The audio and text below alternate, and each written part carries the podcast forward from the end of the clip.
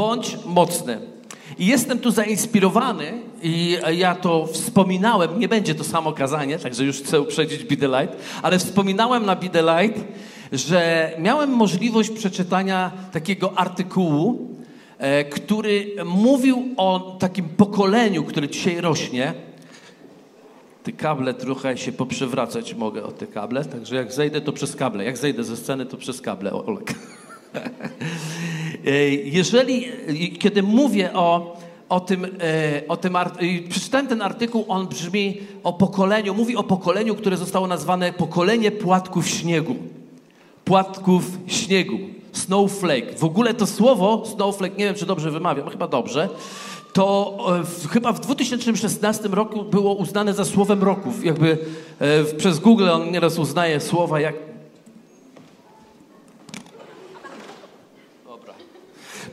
przez Google ono je, określa, określa, e, które słowo jest takim słowem znaczącym roku I, właśnie między innymi to słowo snowflake, czyli e, pokolenie w ogóle, snowflake generation to jest, to stwierdzenie było uznane za takie powiedzenie roku.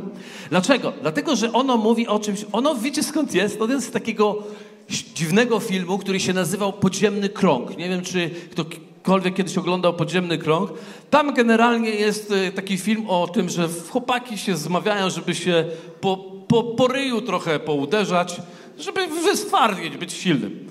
I mówią do siebie takim językiem, nie bądź snowflake'em.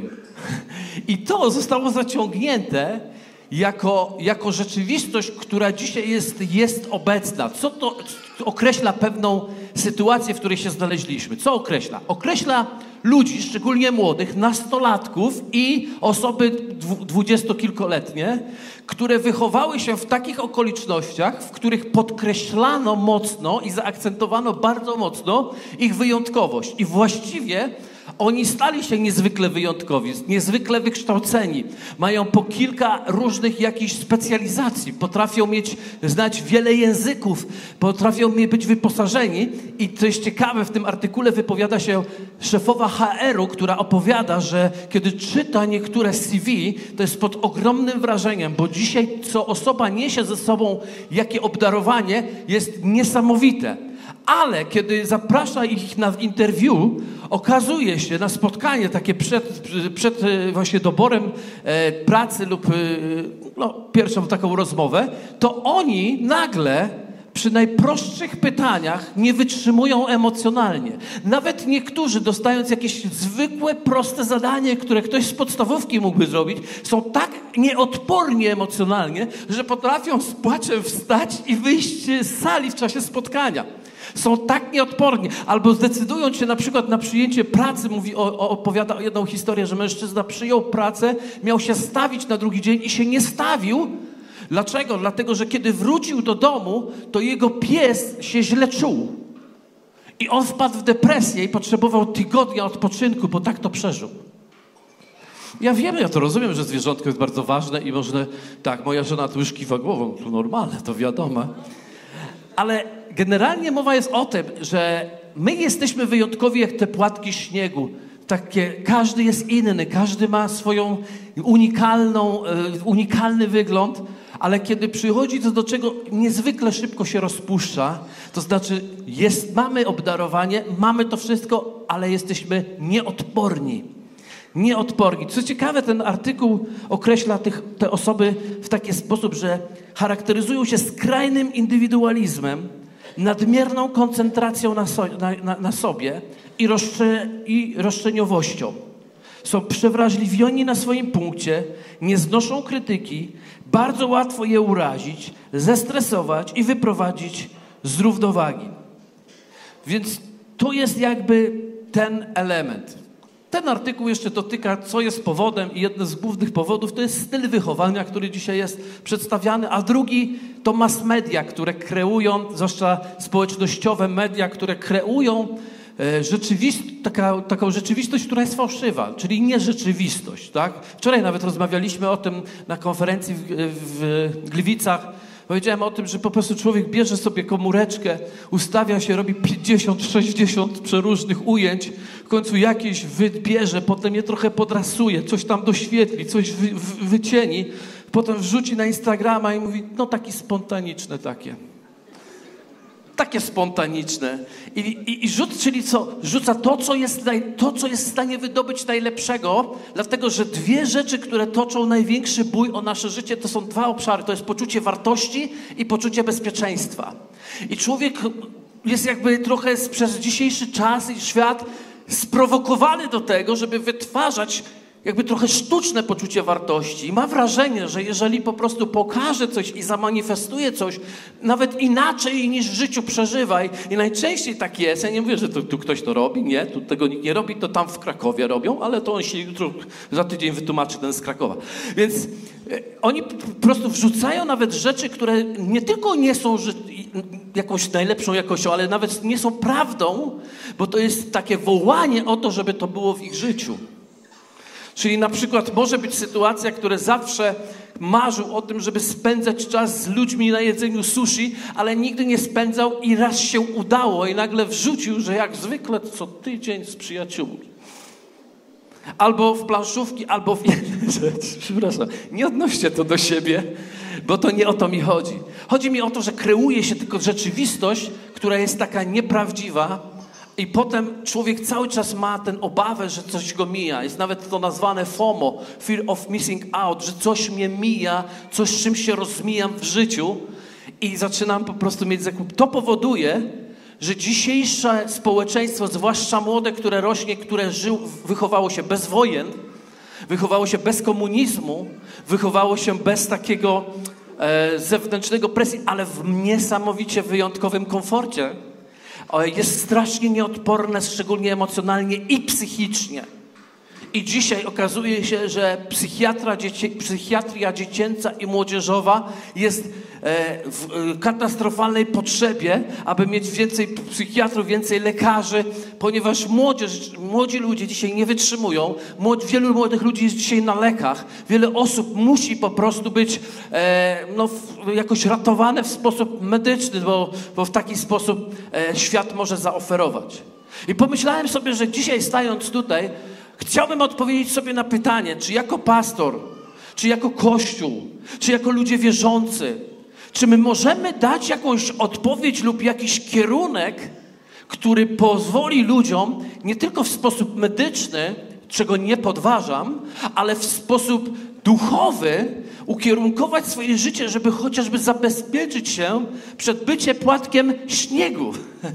Bo z jednej strony wyjątkowość i to, że każdy z nas jest wyjątkowy, wygląda to biblijnie i jest to biblijne. Natomiast ja się nauczyłem, że zagrożenie, które diabeł sprowadza do naszego życia, on nie sprowadza je przez całkowicie niebiblijne podane faktu. On użyje prawdy, tylko zawsze wykrzywionej. I dlatego używa faktu, że jesteśmy wyjątkowi, ale tworzy z nas nieodpornych na życie, a to chcemy. I dzisiaj chcę Wam powiedzieć o tym, jak być mocnym. Bądź mocny i czy Słowo Boże jest odpowiedzią dzisiaj dla nas i może być pomocą, by stać się mocnym. Co Wy na to? Ja się pytam, co Wy na to? No to dobrze, to będę mu kontynuował. Kochani, kiedy Bóg powoływał Jeremiasza, proroka Jeremiasza, powiedział do niego takie słowa. Popatrzcie, Jeremiasz, pierwszy rozdział, 17 i 18 werset powiedział tak. Ty więc przepasz swoje biodra, wstań. Oto ja czynię cię dziś miastem warownym, słupem żelaznym i murem spiżowym. Ty przepasz swoje biodra, wstań, a ja ciebie uczynię miastem warownym, słupem żelaznym i murem spiżowym. Już wiemy ze słowa, że Bóg nie ma wiele wspólnego ze spłatkami śniegu. Bóg pragnie uczynić Ciebie odpornym murem żelaznym, warownym, miastem warownym, słupem żelaznym i murem spiżowym. To oznacza, że Bóg pragnie uczynić Cię twardym, nie zatwardziałym, ale odpornym na okoliczności, które są przeciwne Bogu, które są przeciwne Tobie, które walczą przeciwko Tobie. Dlaczego? Dlatego, że my mamy realnego wroga. Tym wrogiem jest diabeł. I posłuchajcie, naprawdę on jest wrogiem i nie tylko przez jakieś czary, mary, które bardzo łatwo rozpoznać. On jest wrogiem, który używa natury, aby nas zwieść i przygnieść nas. Czyli on użyje nawet naszego życia, żeby nas przygniatać. I dlatego chciałbym Wam to pokazać. Pamiętam taką historię, jak byliśmy jeszcze młodą społecznością. Ja chyba miałem z 25 lat. Miałem 25 lat, było z, nami, e, to była taka grupa, gdzie były młodsze osoby, wszystkie były dużo młodsze, właściwie nastolatki. Taka grupa, grupkę młodzieżową stanowiliśmy. I jeszcze, wprawdzie, myśmy już byli, nie byliśmy w kościele katolickim już, ale ksiądz, który mnie e, zewangelizował, zaprosił mnie na ewangelizację do Kłodzka. I kiedy zaprosił mnie na ewangelizację do Kłodzka, tam mieliśmy ewangelizację, mówiliśmy świadectwa, mówiliśmy Ewangelię, ale był jeden ksiądz tam w tej parafii, który był kapelanem więziennym. I wpadł na genialny pomysł, żebyśmy rano każdego dnia przez te trzy dni chodzili na ewangelizację i ewangelizowali więźniów. I wiecie, i my jakieś nienormalni. Ja najstarszy, 25, szesnastki, siedemnastki, osiemnastki z nami, głównie dziewczyny, i idziemy do więzienia, które jest znane z recydywy, gdzie za chwilę przed nami będą stali więźniowie, którzy są skazani za morderstwa, za rozboje, za różne rzeczy. No i weszliśmy do sali świetlicy, wpuścili te twarze. Słuchajcie, ja nie pamiętam, kiedy ja się tak poczułem.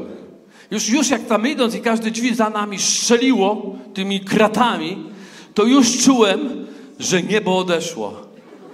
A później, kiedy stanąłem przed nimi i widziałem ich twarze, to ja nie mogłem po prostu wyjść z e, takiego obleku, bo te, te, twarze, cały czas widziałem te twarze, więc ja, mi, ksiądz mi oddał mikrofon, a ja zacząłem do nich mówić o, tam było chyba, mogło być tylko 50 osób, e, i tam było z 40 powiedzmy osób i ja zacząłem do nich mówić o tym, że Jezus e, zbawił i że grzechy ich są te wszystkie nawet, co mają, przebaczone. Słuchajcie, nie wiecie, co to znaczy, naprawdę. Nie, nie wyobrażacie się, jak, jak się wtedy czułem. I w pewnym momencie dochodzę do tego kulminacji i mówię, a teraz wstańcie, kto chce oddać życie Jezusowi, niech wstanie. I nagle widzę, jak oni wstali i zaczęli do nas iść. Jak zaczęli do nas iść, widzę księdza bokiem, który zaczyna robić tak. Zatrzymała go dopiero ściana, więc ja razem z nim do szeregu przyszedłem. I stanął tak. I nagle słyszę, jak ty wiecie, idą tak i mówią, co jest? Testujecie nas tutaj. Co to za testy? Ja po prostu wymiękłem. Słuchajcie, dobrze, że byłem młody i wszystkie zwieracze trzymały, bo naprawdę było źle. Jak jeszcze zerknąłem, jak księdzu idzie tutaj kropla potu po czole, to mówię, jest pozamiatane. Zakończył szybciutko to spotkanie, myśmy szybciutko opuścili to spotkanie. Wyszliśmy, wróciliśmy do miejsca, gdzie spaliśmy, tam była taka kapliczka. Ja wszedłem do tej kapliczki i tak mówię, Boże mój, widzisz, co to było? Pro, wybacz mi, ale ja już jutro tam nie idziemy. My tam już nie wracamy. My tam nie wracamy i nie wrócimy. I tak się modliłem, modliłem. I nagle otwieram Biblię i akurat otworzyło mi się na księdze Ezechiela i przeczytałem oto taki fragment. Posłuchajcie. I rzekł do mnie Bóg, synu człowieczy, posyłam cię do synów izraelskich, do narodu buntowników, którzy zbuntowali się przeciwko mnie, zarówno oni, jak i ojcowie odstąpili ode mnie i odstępują aż do dnia dzisiejszego. I teraz uwaga. Do synów o zuchwałej twarzy i nieczułym sercu. Do nich cię posyłam. A ty mów do nich, tak mówi wszechmocny Pan. A oni, czy będą słuchać, czy nie, bo to do przekory. Poznają, że prorok był wśród nich. Ale ty, synu człowieczy, nie bój się ich i nie bój się ich słów, chociaż cię otaczają ciernie i mieszkasz wśród skorpionów. Nie bój się ich słów i nie drżyj przed ich obliczem, gdyż to dom przekory. Lecz mów do nich moje słowa, czy będą słuchać, czy, czy nie, gdyż są przekorni. I jeszcze trzeci wers, trzeci rozdział, ósmy, osiem do dziewięć, to było dalej tak? Oto ja uczynię twoją twarz tak samo zuchwałą, jak ich twarz. I twoje czoło tak samo, jak ich czoła. Jak diament twardszy niż krzemień uczyniłem Twoje czoło. Nie bój się ich i nie drżyj przed nimi, gdyż to dom przekory. Słuchajcie, zamknąłem tą Biblię wiecie, i wcale nie czułem się mocniejszy w tym momencie, raczej przerażony. Mówię, Boże, to Ty do mnie mówisz? Czy naprawdę chcesz te dzieci posłać do tych bandytów? To jest Twój plan. Ale wiecie, toczyła się we mnie pewna bitwa. Toczyła się pewna bitwa. Zaprosiłem te wszystkie osoby, przeczytałem ten fragment i mówię, zdecydujcie, co robimy. No i te dziewczynki, idziemy, idziemy. Boże, no to ja nie będę udawał tego mięczakiem. Idę też. Słuchajcie, poszliśmy do tego więzienia. Nie wiem, co się stało, ale jedno się wydarzyło na pewno. Bóg był z nami. Prostu, kiedy weszliśmy w ogóle do tego miejsca, wiedzieliśmy, że mamy się nie bać. Najważniejsze to było się nie bać. Wiecie, co jest ciekawe, kiedy Bóg mówi nie bój się? To jest to, że ty się boisz. Ty się boisz, a On mówi nie bój się. Jeżeli On mówi nie bój się, kiedy ty się boisz, to jest jedyne wyjście. Sprawić, żeby się nie bać. Więc my naprawdę weszliśmy do tej sali i poprosiliśmy, żeby jeszcze nie wpuszczać więźniów. I na tej sali zaczęliśmy językami głośno krzyczeć, ogłaszać Boże Panowanie, chwałę po, po krzesłach lata. Żeśmy tak zaczęli tam wrzeszczeć w językach, że nagle ktoś niechcąco otworzył więźniom drzwi i nagle wchodzi, wchodzą pierwszych dwóch, tak wchodzi i nagle o, i się zamknęli. A ja mówię, spokój, spokój, niech wejdą, niech, we, niech we, wejdą pen, penitenci, no, więźniowie. No i oni weszli i nagle okazało się, że kiedy głosiłem Ewangelię, ja czułem 25-letni, nikogo nie zabiłem. Może komara. Przed zabójcami.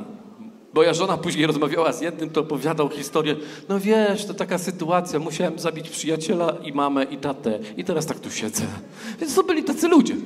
Więc, ale ja stoję i czuję autorytet, który jest nad, nad nami, który Bóg użył nas i nagle głosimy im Ewangelię. I widzę w czasie głoszenia Ewangelii, jak niektórzy zaczynają płakać, jak są dotykani, jak Boża obecność po prostu przyszła. A wiecie, ja, ja tam odważniejszy nie byłem, ja tylko czułem coś więcej, jak poszedłem dalej. I potem, kiedy już jechaliśmy na trzeci dzień, bo tak było, e, że już chcieliśmy i przyjechaliśmy na trzeci dzień, to okazało się, tam były trzy bloki, A, B, C. I okazało się, że przyszedł ten cały główny klawiszowiec i mówi tak. Słuchajcie, bo są trzy bloki, wszyscy chcą przyjść, ale na tej sali przepisy mówią, nie może być więcej niż 50 osób. Ja mówię, słucham? No to, to co? To mogliśmy zrobić trzy spotkania, tak po 50 osób, bo i tak jest ich więcej, których chce tu przyjść. Ja mówię, o Boże, i zrobiliśmy tylko z jednym blokiem spotkanie i to tylko dlatego, tylko dlatego, że po prostu mieliśmy zaraz ewangelizację w innym miejscu i te dwa musieliśmy przeprosić, ale tak niesamowicie była Boża obecność. I pomyślałem sobie, i kiedy przygotowywałem się do tego spotkania, to pomyślałem sobie, że podzielę się tym przykładem, ponieważ to pokazuje, że życie jest brutalne i przyjdzie ze swoją brutalnością do naszego życia, ale jest możliwość i są bardzo praktyczne narzędzia do tego, żeby Bóg, e, żebyśmy nie przyjęli tego zranienia i żebyśmy stali się odporni w nim, jak te spiżowe wrota, jak ten mur, mur, mur dom e, stalowy, jak te, e, jak, to, jak te żelazo po prostu. Żeby być na to odporny. I myślę sobie, ciekaw jestem, czy czasem nie jest to poselstwo, które będzie jedno z najważniejszych poselstw tego wieku. Żeby stać się spiżowy w Bogu. Stać się odporny na ten atak, który przychodzi ze strony e, przeciwnika. Amen. Jesteście ze mną?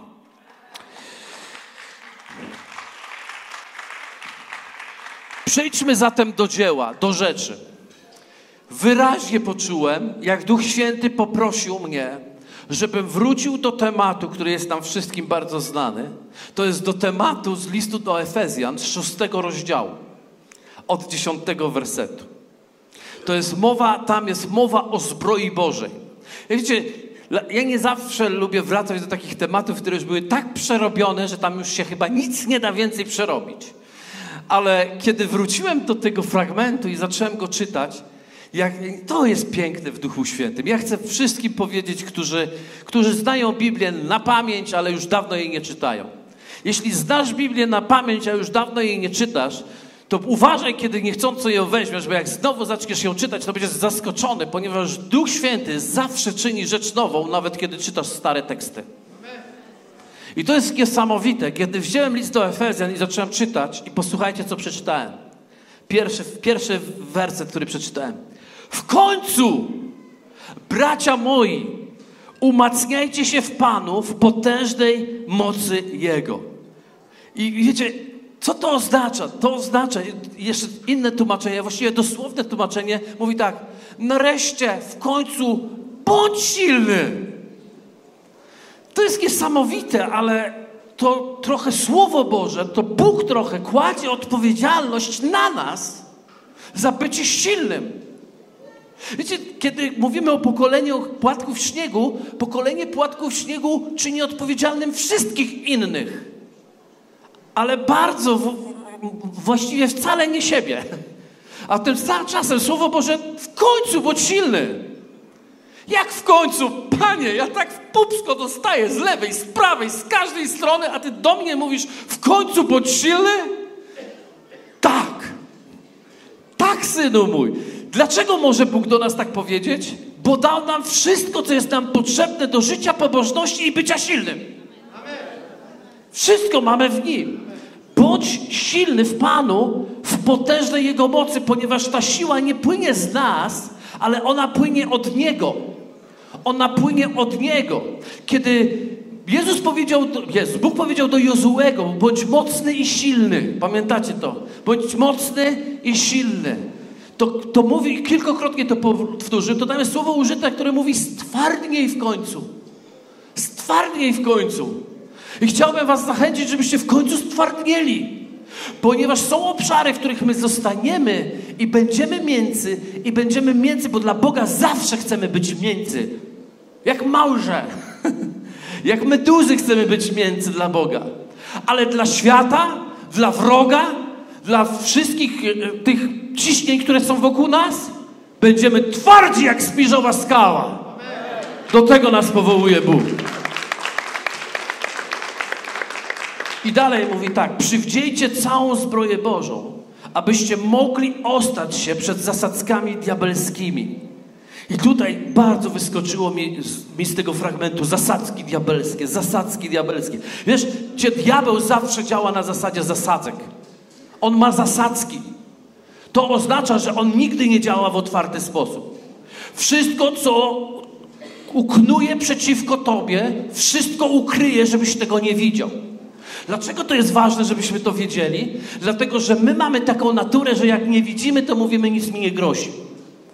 A prawda jest taka, że diabeł jest cwańszy od nas i stwarza takie zasadzki, które potem, z którym potem mamy wielkie, wielkie problemy i ma wielki plan. I słuchajcie, niektóre zasadzki już były odkryte w 80 latach, my ciągle o nich mówimy, ale są nowe zasadzki. Ja w, w, w grupie Be The Light mieliśmy nauczanie na temat gro, zagrożeń duchowych i jakie zasadzki Bóg dziś, diabeł dzisiaj przygotował dla nas.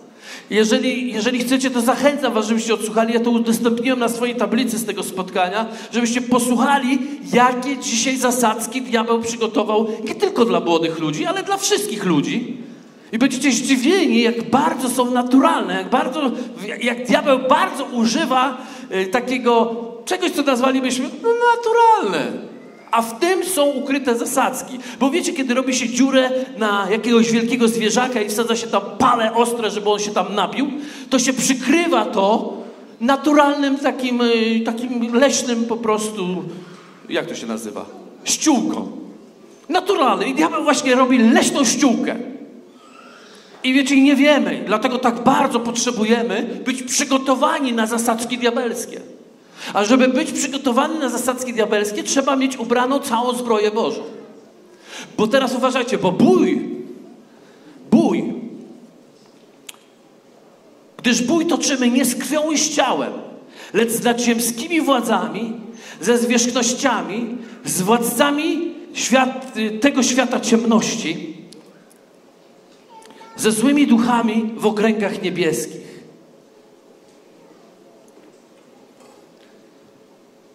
Z tego fragmentu Ja dzielę się, co mi wyskoczyło, bo wiem, że to Duch Święty mi dawał akcenty.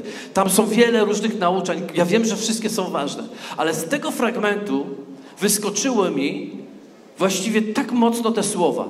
Władze, zwierzchności, władcami świata ciemności.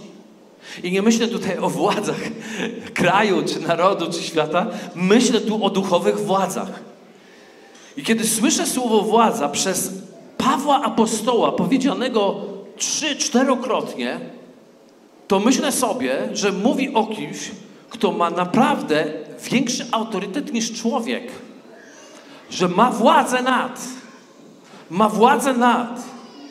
To oznacza, że jeżeli ktoś ma władzę nad, to ja z punktu tego, tego swojego człowieczeństwa nie mam nad tym władzy. Jeżeli ktoś ma władzę nad, to ma władzę nade mną. I ja mogę się z tym kłócić i dyskutować, ale to jest władza nade mną. Dlatego, że nasz autorytet nad naszym przeciwnikiem nie jest oparty o naszą ludzkość. Nasz autorytet i władza nad naszym przeciwnikiem jest oparta na autorytecie, który mamy w Chrystusie. Zatem nie możemy bez ubrania w Chrystusie stoczyć boju z, nadziemskimi władzami, ani im się ich przeciwstawić, ale ulegniemy szybciej niż nam się wydaje. Dlatego Paweł, mówiąc do kościoła w Efezie, tak żeby dla jasności nie mówił tutaj do niewierzących, mówił tu do wierzących, mówił: hej, hej, bądźcie w końcu silni w Panu i ubierzcie całą zbroję, abyście się mogli ostać przed tymi zasadzkami, ukrytymi pułapkami diabelskimi, bo On ma władzę nad Twoją ludzkością, ale w zbroi Bożej, czyli w Chrystusie, innymi słowy, zawsze masz zwycięstwo. Ale nie zapominaj, aby się w to ubrać. Amen. Wiecie, kiedy ja, kiedy byliśmy w tym więzieniu, cała bitwa nie polegała na tym, że myśmy tam weszli i tam nawet ogłaszaliśmy, że Jezus jest Panem. Cała bitwa odbyła się dzień wcześniej wieczorem we mnie. Tam była walka. Co to była za walka? Pójść w Chrystusie? Czy zwrócić uwagę na swoją małość, swoją ludzkość, swoją słabość i przegrać? Cała bitwa jest na tym, gdzie jest Twoja koncentracja i gdzie jest Twoje skupienie i za czym Ty podążasz. Jesteście ze mną? Dlatego tak bardzo ważne jest, żebyśmy wzięli i zrozumieli, że musimy ubrać całą zbroję Bożą. I teraz są wymienione elementy, i pozwólcie, że powiem, co to znaczy. Może najpierw przeczytam do końca, a potem powiem, co oznacza w jaki sposób się mamy zabezpieczyć i stwardnieć i stać się silnymi, mocnymi. Dlatego weźcie całą zbroję Bożą, abyście mogli stawić opór w dniu złym i dokonawszy wszystkiego ostać się. Stójcie tedy opasawszy biodra swoje prawdą, przywdziewszy pancerz sprawiedliwości i obuwszy nogi, by być gotowymi do zwiastowania Ewangelii pokoju. A przede wszystkim weźcie tarczę wiary, która będziecie mogli zgasić wszystkie ogniste pociski złego Weźcie też przełbicę zbawienia i miecz ducha, którym jest Słowo Boże. Którym jest Słowo Boże. W jaki sposób ubrać się w tą całą zbroję? Nie mamy dzisiaj zbroi. Nikt nie będzie tutaj rozdawał żadnych e, ubrań zbrojowych. Ale jest to, każda z tych zbroi reprezentuje pewien duchowy świat pewną duchową rzeczywistość, w którą powinniśmy się ubrać. I pierwszą rzeczą, którą napisałem, słuchajcie, to jest tak. Żyj w prawdzie, w takim akcencie transparentnie, aby wróg nie podważył Twojej sprawiedliwości. Żyj w prawdzie, czyli transparentnie, aby wróg nie podważył Twojej sprawiedliwości. Zobaczcie, słowo mówi tak. Stójcie tedy, opasawszy biodra swoje prawdą, przywdziawszy pancerz sprawiedliwości. Ja się zacząłem zastanawiać i próbowałem to ogarnąć, że, i, jak, i, i Jeremiasz również miał się przepasać, wstał i się przepasał.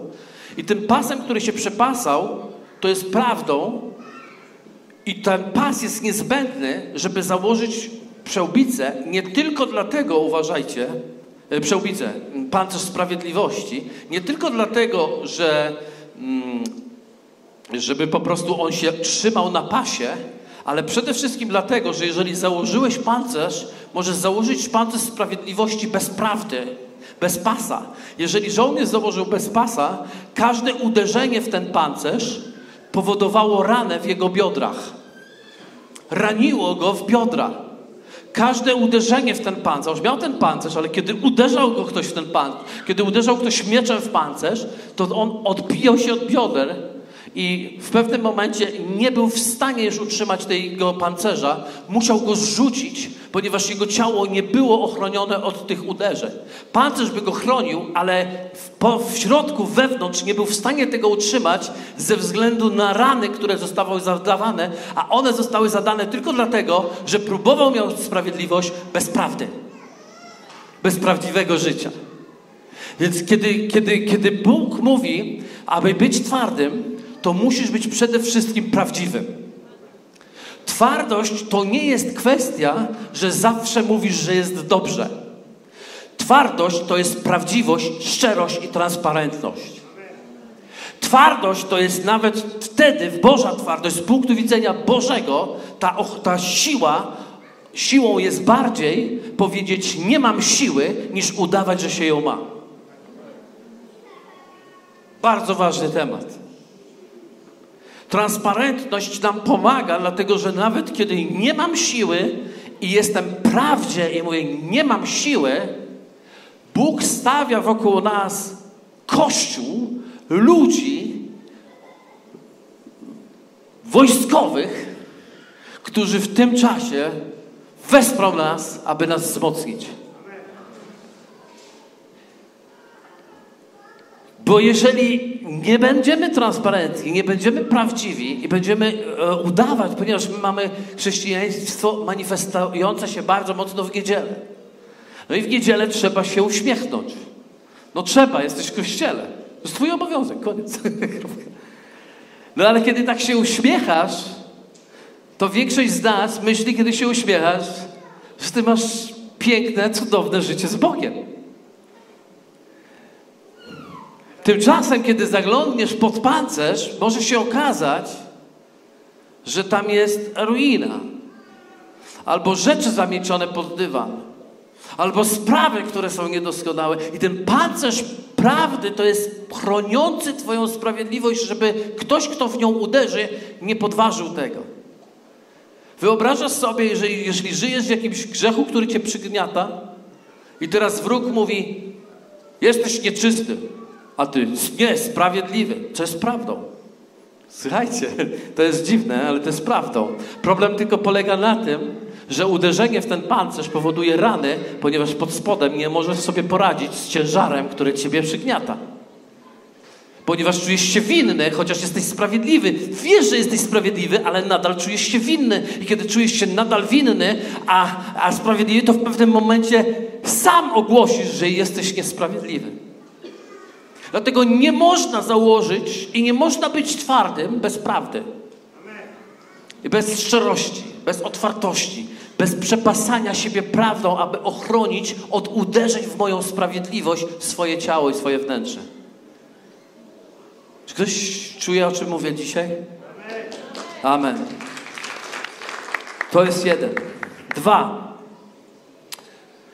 Przenieść skupienie z siebie na tych, którzy są w, największy, w największych opałach.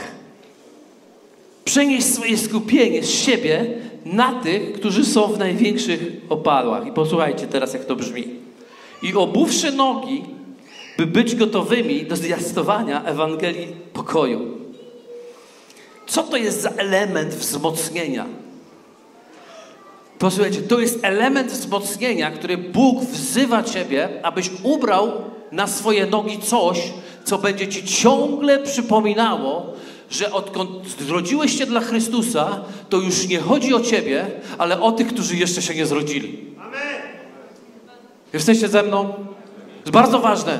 Dlatego, że my nie, ubieramy się w całą zbroję, ale nie ubieramy butów do zwiastowania dobrej, ewang- dobrej Ewangelii o pokoju, dlatego, że my ciągle jesteśmy skupieni na sobie i nie możemy się skupić na innych, a jednym z elementów utwardzenia i uczynienia cię odpornym jest przerzucenie twojego skupienia z siebie na innych ludzi. Potrzebuję waszego trochę entuzjazmu, przynajmniej żeby dorównał do mojego. Amen. Bądźcie ze mną. Dlatego, kiedy mówimy o włożeniu, wiecie, butów do zwiastowania Ewangelii pokoju, to nie jest takie, o, czasu do czasu pójdę na ewangelizację. Tak naprawdę jest to wezwanie ciebie do permanentnego odrzucenia, czynienia siebie ofiary i zwrócenia uwagi swoich oczu na ludzi, którzy są naprawdę w prawdziwych opałach, bo ty jesteś zbawiony, a oni są nieuratowani, potrzebują twojego ratunku, ponieważ mogą trafić do piekła. Dlatego tak bardzo potrzebujemy zrzucić siebie uwagę i przestać w końcu być kościołem, przestać być ludźmi, którzy ciągle mają skupienie na sobie. Więc ubranie butów, wiecie, ktoś powie, o jak piękne są nogi zwiastuna dobrej nowiny. To piękne są nogi, ale to naprawdę chodzi o to, żebyś zrezygnował z myślenia o sobie.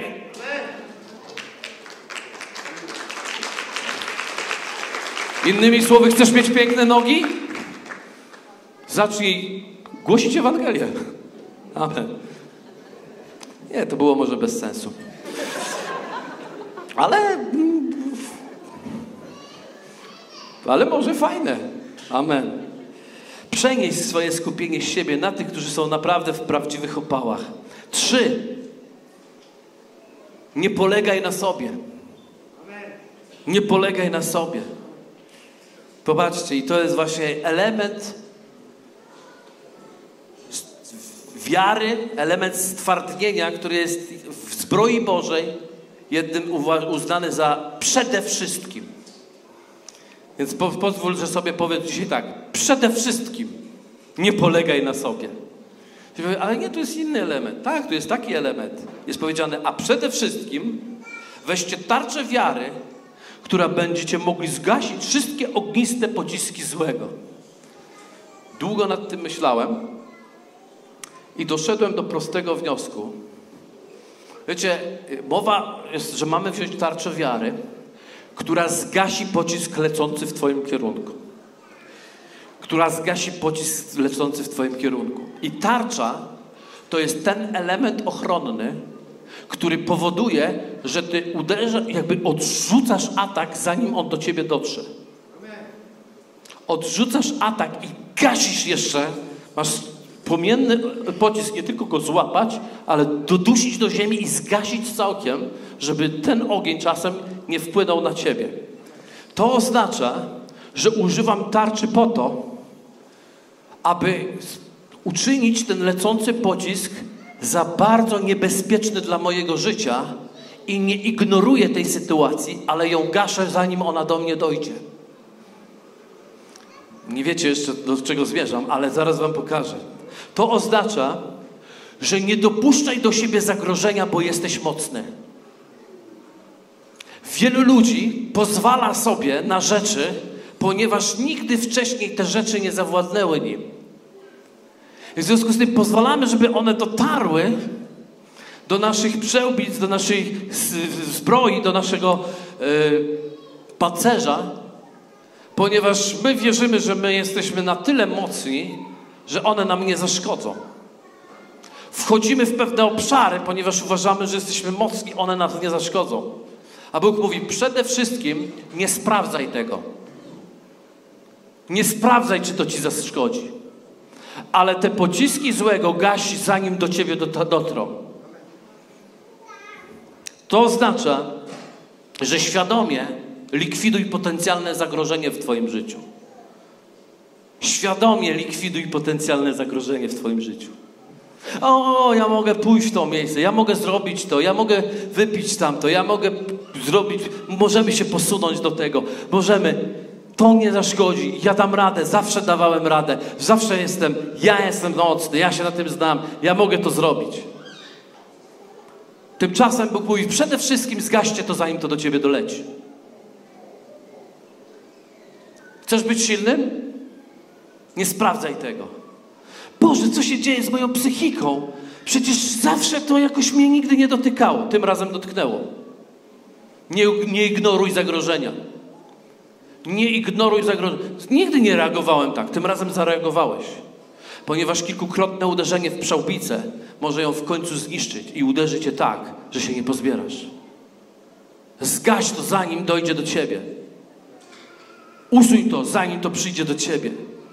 Dlatego bądź wrażliwy i nie ignoruj zagrożenia. Zagrożenie jest zagrożeniem. Nie cwaniakuj. Nie jeden cwaniakował, poległ na polu chwały. Dlatego ochroń swoje życie. Chroń swoją psychikę, zanim zacznie być zaatakowana. Chroń swój świat emocjonalny, zanim po prostu ciebie to rozjedzie całkiem. Widzicie, macie przełbicę zbawienia na swoich głowach, żeby chronić swój świat psychiczny. Macie też pancerz sprawiedliwości, żeby schronić swoje serce i cały swój świat emocjonalny. Ale nie polegaj na tej ochronie, używaj wiary, aby gasić pociski, zanim dolecą. Zanim dolecą. Nie ignoruj rzeczy, ale atakuj rzeczy. Tarcza nie jest tak bardzo nawet do ochrony, jak do likwidowania zagrożenia. Zgaś je swoją tarczą. Przede wszystkim to zrób. Amen? Czwarty punkt. To jest związane z tym, co przed chwilą powiedziałem. Chroń swój świat psychiczny i emocjonalny. Chroń swój świat, dokładnie chroń swoją duszę. Chroń swoją duszę. Każda dusza podlega atakom codziennym. Nawet tego nie wiesz, ale jesteś codziennie atakowany w sferze psychicznej, w sferze emocjonalnej i jesteś atakowany w sferze Twoich decyzji, woli, co tak naprawdę chcesz. To, co Ty chcesz, nie jest wynik Twoich przemyśleń. To, co Ty chcesz, jest często wynik tego, co Ciebie zaatakowało i co uderzyło w Twoje życie, w Twój świat myśli, w Twój świat emocji, w Twój świat pragnień. To jest dokładnie to. Dlatego Paweł mówi tak: weźcie też przełbicę zbawienia na swoją głowę i miecz ducha, którym jest Słowo Boże, którym, wiecie, kiedy mówimy o mieczu ducha, wiem, że kiedy mówimy o mieczu, mówimy tutaj o nad, a, bezpośrednim ataku wroga, ale ja chciałbym zwrócić wasz akcent, że to jest Słowo Boże. A Słowem Bożym to jest ten oręż, który mówi w Koryntia, że on jest w stanie unicestwić wszelkie myśli, które są niepoddane Bogu że jest moc, ma moc burzenia warowni, które są wybudowane, że nim unicestwiamy zamysły przeciwnika. Dlatego tak bardzo ważne jest to, żebyś ochranił, chronił swoją duszę, a przede wszystkim trochę podważył zaufanie do siebie samego. Chcę, żebyście rozumieli, mamy sobie ufać się sobie samemu, ale musimy w pewnych obszarach powiedzieć: Boże, nie moją siłą i nie moją mocą. Ja tego nie potrafię. Co to oznacza? Ja nie potrafię przeżyć życia bez, na podstawie mojej mocy i mojej siły. Ja mogę przeżyć życie w zwycięski sposób tylko na podstawie mocy i siły Ducha Świętego w nas, który manifestuje się w żywym słowie, które wypowiadamy. Dlatego Paweł zachęca, abyśmy schronili swoją duchę, duszę, swoją psychikę, emocje i swoją wolę. Dusza musi być świadomie chroniona. Posłuchajcie, diabeł chce któryś z tych obszarów rozwalić na pewno w Twoim życiu. Jeśli mu się uda uderzyć w Twoją psychikę i sprowadzić depresję albo nerwicę, słuchajcie, przepraszam, ale to nie są tylko medyczne kwestie. To są kwestie duchowe. Nawet jeśli byśmy powiedzieli sobie, no tutaj trzeba lekarza, oczywiście, że trzeba lekarza, ale trzeba też wiedzieć dobrze, że lekarze potrafią zdiagnozować, ale nie potrafią znaleźć przyczyn. W tej wymiarze. Dlaczego? Dlatego, że to jest coś, które przychodzi z różnych powodów. Nie, nawet ja nie potrafię tych przyczyn zdiagnozować, ale wiem jedno. Jest wynikiem świata ciemności, które Ciebie nienawidzi, nienawidzi Twojego życia i chce Cię zniszczyć. Manifestujący się nawet może w naturalnych wymiarach, ale jednak uderza ciebie. Brak pracy, jakieś poczucie braku, różne rzeczy, jakieś ciśnienie, awantury, niezrozumienie. Wszystko to cały czas atakuje mnie. Jeśli diabeł uda mu się, to może wejść przez psychikę, bo psychika jest jak, słuchajcie, jak skóra na ręku. Kiedy ją potrzesz, ona nie reaguje. O, potarłem. Ale kiedy byś ją tak tarł cały dzień, to nagle w pewnym momencie krew się pojawi, dlatego że jest zawsze jakaś odporność mojej skóry. Również psychika ma pewną odporność. Mówisz tak, a przyszło coś, coś mi tam jakaś myśl wpadła, a mi znowu wpadła, a nie szkodzi. Nie szkodzi, ale jak zacznie wpadać permanentnie, to po, po, jakimś czasie nagle widzisz, że nie jesteś w stanie zapanować nad światem myśli i nie jesteś w stanie zapanować nad tym, co się dzieje w tobie i myślisz sobie, do wariatkowa się nadaje. A to jest demoniczny atak, który był na twoje życie przez świat, którego używa diabeł, aby ciebie w ten sposób sprowadzić do takiego miejsca. Ale jeśli jesteś odporny i nagle rzeczywiście jakoś twój świat myśli przetrwał, twoja psychika jest silna, mocna, bo są różne, różne mamy te psychiki, to może uda mu się zaatakować mój świat emocjonalny. Może uda mi się zaatakować ten świat emocjonalny. I potem mówimy, no jakoś tak mam, ja ryczę, nie wiadomo dlaczego, po co. Wiecie, niech mowa to o wzruszeniach, ale mowa o ciągłym po prostu, o lękach, o strachach, o, o rzeczach, które w nadmierny sposób manifestują się w naszym świecie emocjonalnym. Jesteśmy przewrażliwieni. Dlaczego? Nie tylko dlatego, że taki jesteś, tylko dlatego, że diabłu udało się przedostać przez tarczę wiary, udało mu się przedostać przez e, pancerz sprawiedliwości i sięgnąć Twojego świata emocjonalnego i on jest rozdygotany. To jest jego atak. Ale załóżmy na to, że wytrwałeś i jesteś psychicznie w miarę, emocjonalnie też odporny, ponieważ się uodporniłeś, bo masz teraz już wszystkich w nosie to jest jeszcze inny świat. To jest świat woli, gdzie nagle nie chce się już ci tego i nie chce tamtego, ale twoja wola przylgnie do czegoś, co w ogóle nie jest dobre, nie jest fajne. Nagle cię już nie bawią ci tu stąd. Nagle cię bawią ci tam stamtąd. Nagle czujesz, że bardziej masz flowa tam niż flowa tu. I myślisz sobie, świat się zmienia, wyrosłam, wyrosłem z pewnych rzeczy. O, już chyba tego nie potrzebuję. I zaczynasz szukać i nagle widzisz, że to, co dzisiaj chcesz, nie jest wcale to, co Bóg chce, tylko to, co chcesz i nie wiesz, dlaczego to chcesz, ale nie widzisz dlaczego, że ktoś zaatakował twoje życie i nie wiesz, kiedy to weszło, że bardziej zacząłeś chcieć czegoś, czego Bóg, co się Bogu nie podoba. A jest atakiem. Dlatego włóżcie całą zbroję Bożą, abyście mogli się ostać. I Bóg mówi, załóż przełbicę, załóż przełbicę zbawienia, aby chronić swoje myśli. Naprawdę nie rozbujaj swoich myśli. Łap się Słowa Bożego, miecza obusiecznego, które jest skuteczne i ma moc. I kiedy przychodzi świat ataku na psychikę, na emocje, na wszystkie rzeczy, na wolę, ogłaszaj słowo, czytaj słowo. Wiecie, wielu ludzi wie, że trzeba to robić, ale niektórzy ograniczyli się tylko do niedzielnego wymiaru, gdzieś, gdzieś usłyszeli, albo do piosenek, których wyśpiewają gdzieś tam po międzyczasie. Ale Słowo Boże naprawdę trzeba wziąć i kształtować swoją duszę. Amen. Przynajmniej tak często być z Biblią w ręku i przed oczami, jak często masz Netflixa przed oczami. Albo Facebooka. Albo niech ci raport telefon przyniesie, ile spędziłeś czasu przed ekranem i tyle spędź przed Biblią dla równowagi. O Boże, z domu byśmy nie mogli wyjść wtedy. Ale naprawdę ta walka jest konieczna, jest niezbędna, jest ważna. Dlatego zakończę tym. Ty więc przepasz swoje biodra całą zbroją Bożą. Wstań a oto ja czynię cię dziś miastem warownym i supem żelaznym i murem spiżowym. I murem spiżowym. Chciałbym, żebyśmy się modlili, abyś wstał i przepasał się i pozwolił Bogu się utwardzić pozwolił Bogu, aby ubrał, żeby ubr żebyś mógł ubrać się w zbroję.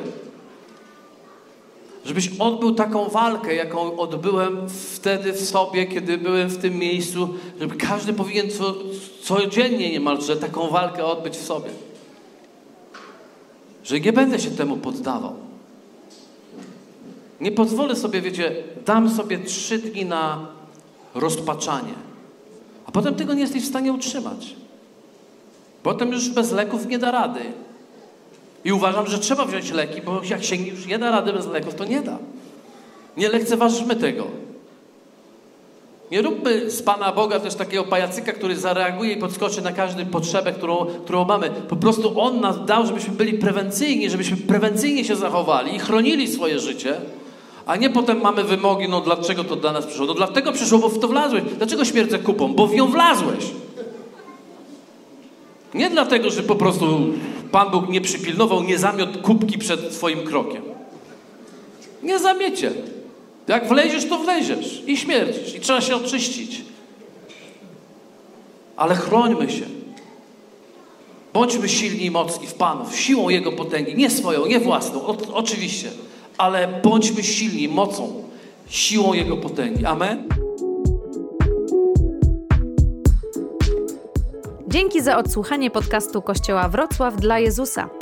Przesłanie było dobre, prawda? Gwarantujemy, że to nie tylko teoria. Teraz Twój ruch, by zastosować je w swoim życiu. Jeśli chcesz dowiedzieć się o nas więcej, odwiedź stronę wdj.pl. Do usłyszenia!